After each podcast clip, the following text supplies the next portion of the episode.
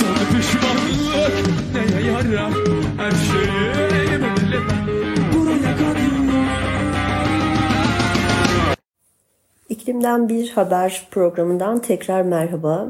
Ee, yaklaşık bir yıl ara verdiğim bir program oldu bu. Çünkü 6 Şubat depreminden sonra maalesef iklim haberlerine çok fazla vakit ayıramadım. Çünkü 6 Şubat depreminin mağdurlarından, yaşayanlarından, e, depremzedelerden biri de benim. Dolayısıyla e, bizler hala o depremin e, etkilerini üzerimizden atamadığımız için hala e, bir yıl yaklaşık bir yıl üzerinden geçmesine rağmen bizler hala düzenimizi oturtamadığımız için e, rutinimize bir türlü dönemedik. Ama ben artık iklim haberlerine önümüzdeki yıldan itibaren e, tekrar devam etmek istiyorum. Hep söyledim birçok kriz, e, ekonomik kriz e, ya da yaşadığımız diğer krizler bir şekilde aşılabilir ama iklim krizini eğer aşamıyorsak diğer krizleri aştığı aş, aşsak bile e, maalesef ki yaşanabilir bir dünyamız olmazsa biz bu krizleri aşsak ne olur, aşmasak ne olur diye bunu hep ifade ettim.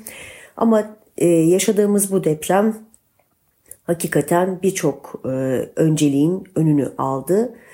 E, dediğim gibi yaklaşık bir yıl geçtikten sonra ben artık tekrar iklim haberlerine, iklimden bir haber programı altında tekrar devam edeceğim önümüzdeki yıl. Bu yılı da 2023'te yaşanan iklim olaylarını şöyle bir toparlayarak bitirmek istiyorum. Hem e, böyle bir toparlama yapmak istedim hem de önümüzdeki yıl tekrar bu programa devam edeceğimin bir duyurusunu yapmak istedim. E, gerçekten geçtiğimiz günlerde aldığım bir WhatsApp mesajı işte geldi dedirttirdi bana ve korktum. İlk kez bu kadar çok endişelendim iklim krizinden. O yüzden de bir kez daha bu konuyu düşünerek artık bu, bunu tekrar gündemde tutmamız gerekiyor diye e, bu konuya yeniden el alıyorum, el atıyorum. Bir arkadaşım mesajında şöyle diyordu WhatsApp grubunda. Kuzenim Afrika'dan geldi. Sıtma teşhisiyle yoğun bakımda yatıyor. Konuşabileceğim bir doktor var mı? Evet yanlış duymadınız sıtma. Yani sıtma tarih olmuş bir hastalık. Ve ben bu konuya 27 Ekim'de e, muhalif.com.tr'de e, yaz, yazdığım köşe yazısında değinmiştim. 5 milyar insan için ölüm kalım savaşı başlıklı bir yazı yazmıştım. E, lütfen e, ulaşın ve okuyun o yazıyı. Çok kısa bir paragraf o yazıdan şöyle Yeni bir Washington Post analizi sıtma taşıyan sivrisinekler nedeniyle başta Afrika ülkeleri olmak üzere dünyada 5 milyardan fazla insanın sıtma hastalığı riskiyle karşı karşıya olduğunu ortaya koydu. Üstelik araştırma sonuçları gösterdi ki iklim değişikliği ve demografik büyümenin etkileriyle hortlayan sıtma hastalığının sonuçlarını 2040 yılına kadar yani sadece 17 yıl içinde dünya yeniden yaşamaya başlayacak. Bu 27 Ekim'de yazdığım yazıdan bir paragraf hakikaten de tarihe gömülmüş bir hastalığın yeniden hortladığından söz e, edilmeye başlanmıştı ve bizler de artık tanık olmaya başladık az önce söylediğim WhatsApp mesajında olduğu gibi.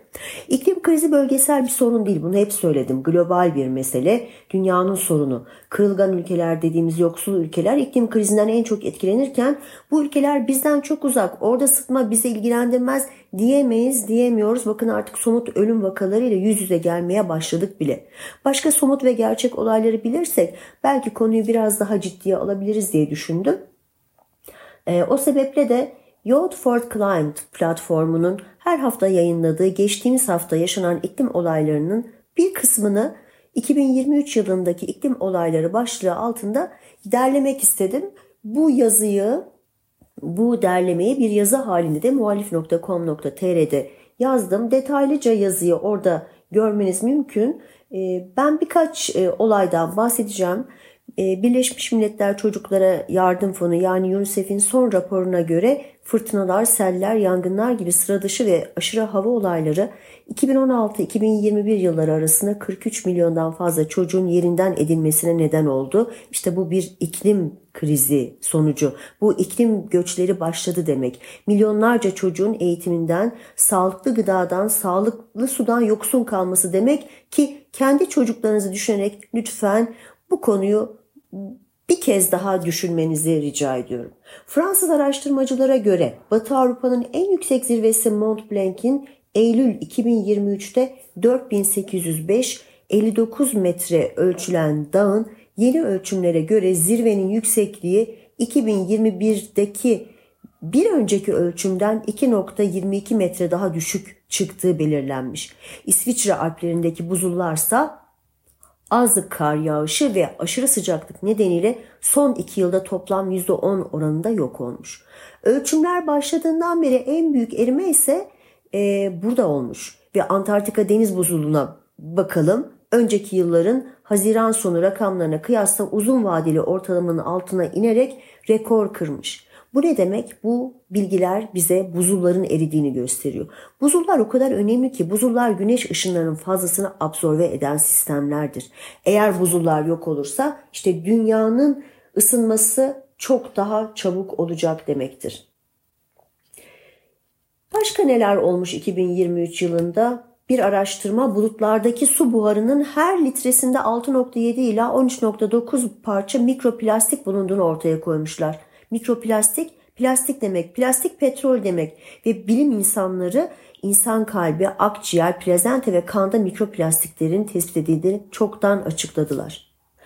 Bu arada ülkemizde de Muğla'nın Bozburun, Bozburun beldesinde başlatılan çalışmada denizden 10 tonun üzerinde atık ağ çıkarıldığını e, öğrendik. Hayalet ağ deniliyor bunlara. Denizdeki canlıları sarmalayıp onların ölümüne bile sebep olurken Zamanla bunlar da mikroplastiğe dönüşüyorlar. Bunlar balıkçı ağlarından söz ediyorum. Bunlar balıkçıların avlanırken denize bıraktıkları ağlar.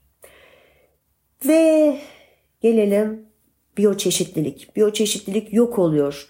Maalesef nedir biyoçeşitlilik? İşte hayvan, bitki, Doğadaki bütün çeşitlilik biyoçeşitliliktir. Antarktika'da 10 bin olduğu tahmin edilen imparator penguen yavruların ölümü yaşandı bu sene.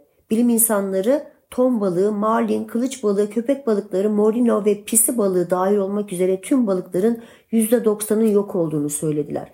Ne olur biyoçeşitlilik yok olursa? Balıklar örneğin yaklaşık 3 milyar insana hayvansal proteinin %20'sini sağlıyorlar. Bitkiler deseniz insan beslenmesinin %80'inden fazlası bitkiler tarafından sağlanıyor. Bu arada ilaçların birçoğu da bitki bazlı biliyoruz. Dolayısıyla biyoçeşitliliğin kaybı maalesef sağlığımız dahil her şeyi tehdit ediyor. Kısaca kuraklık sebebiyle kanallardaki aksayan ulaşımdan da bahsetmek istiyorum. Panama kanalından söz ediliyor.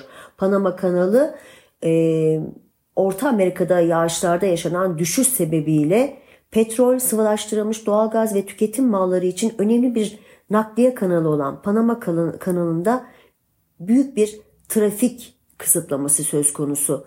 Bu ne demek? Bu e, Atlas Okyanusu ile Büyük Okyanusu'nu birbirine bağlayan su kanalının çalışmıyor olması demek. Bu ne demek? 144 ticaret rotası, 1700 liman ve 160 ülke ile bağlantısı olan Panama kanalının işleminin kaybolmuş olması demek. Dolayısıyla ticareti kolaylaştıran bu kanal, maliyetleri azaltan bu kanal, dolayısıyla insanlara en e, basit şekliyle gıda e, ulaşımını sağlayan bu kanal eğer kurursa başta maliyetlerin yükselmesi sebebiyle gıda almak üzere birçok ürüne erişmenin zorluğu demek.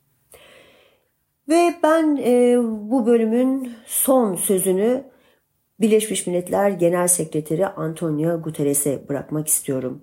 İnsanlık cehennemin kapılarını açtı. Korkunç ve sadece başlangıç küresel ısınma dönemi sona erdi. Küresel kaynama dönemi geldi. Bizler çocuklarımıza bağ bahçe, ev araba, tarla bırakmak için büyük bir çaba sarf ederiz hepimiz. Onlara bir miras kalsın diye. Ama asıl yapmamız gereken onlara yaşanabilir bir dünya bırakmaktır. Eğer yaşanacak bir dünya yoksa onlara verdiğimiz eğitimin, onlara bıraktığımız tarlanın, bağın, bahçenin hiçbir anlamı yoktur. Dolayısıyla biz bireylere düşen görevler de var. Lütfen bu konuyu bir kez daha düşünelim. Son pişmanlık neye yarar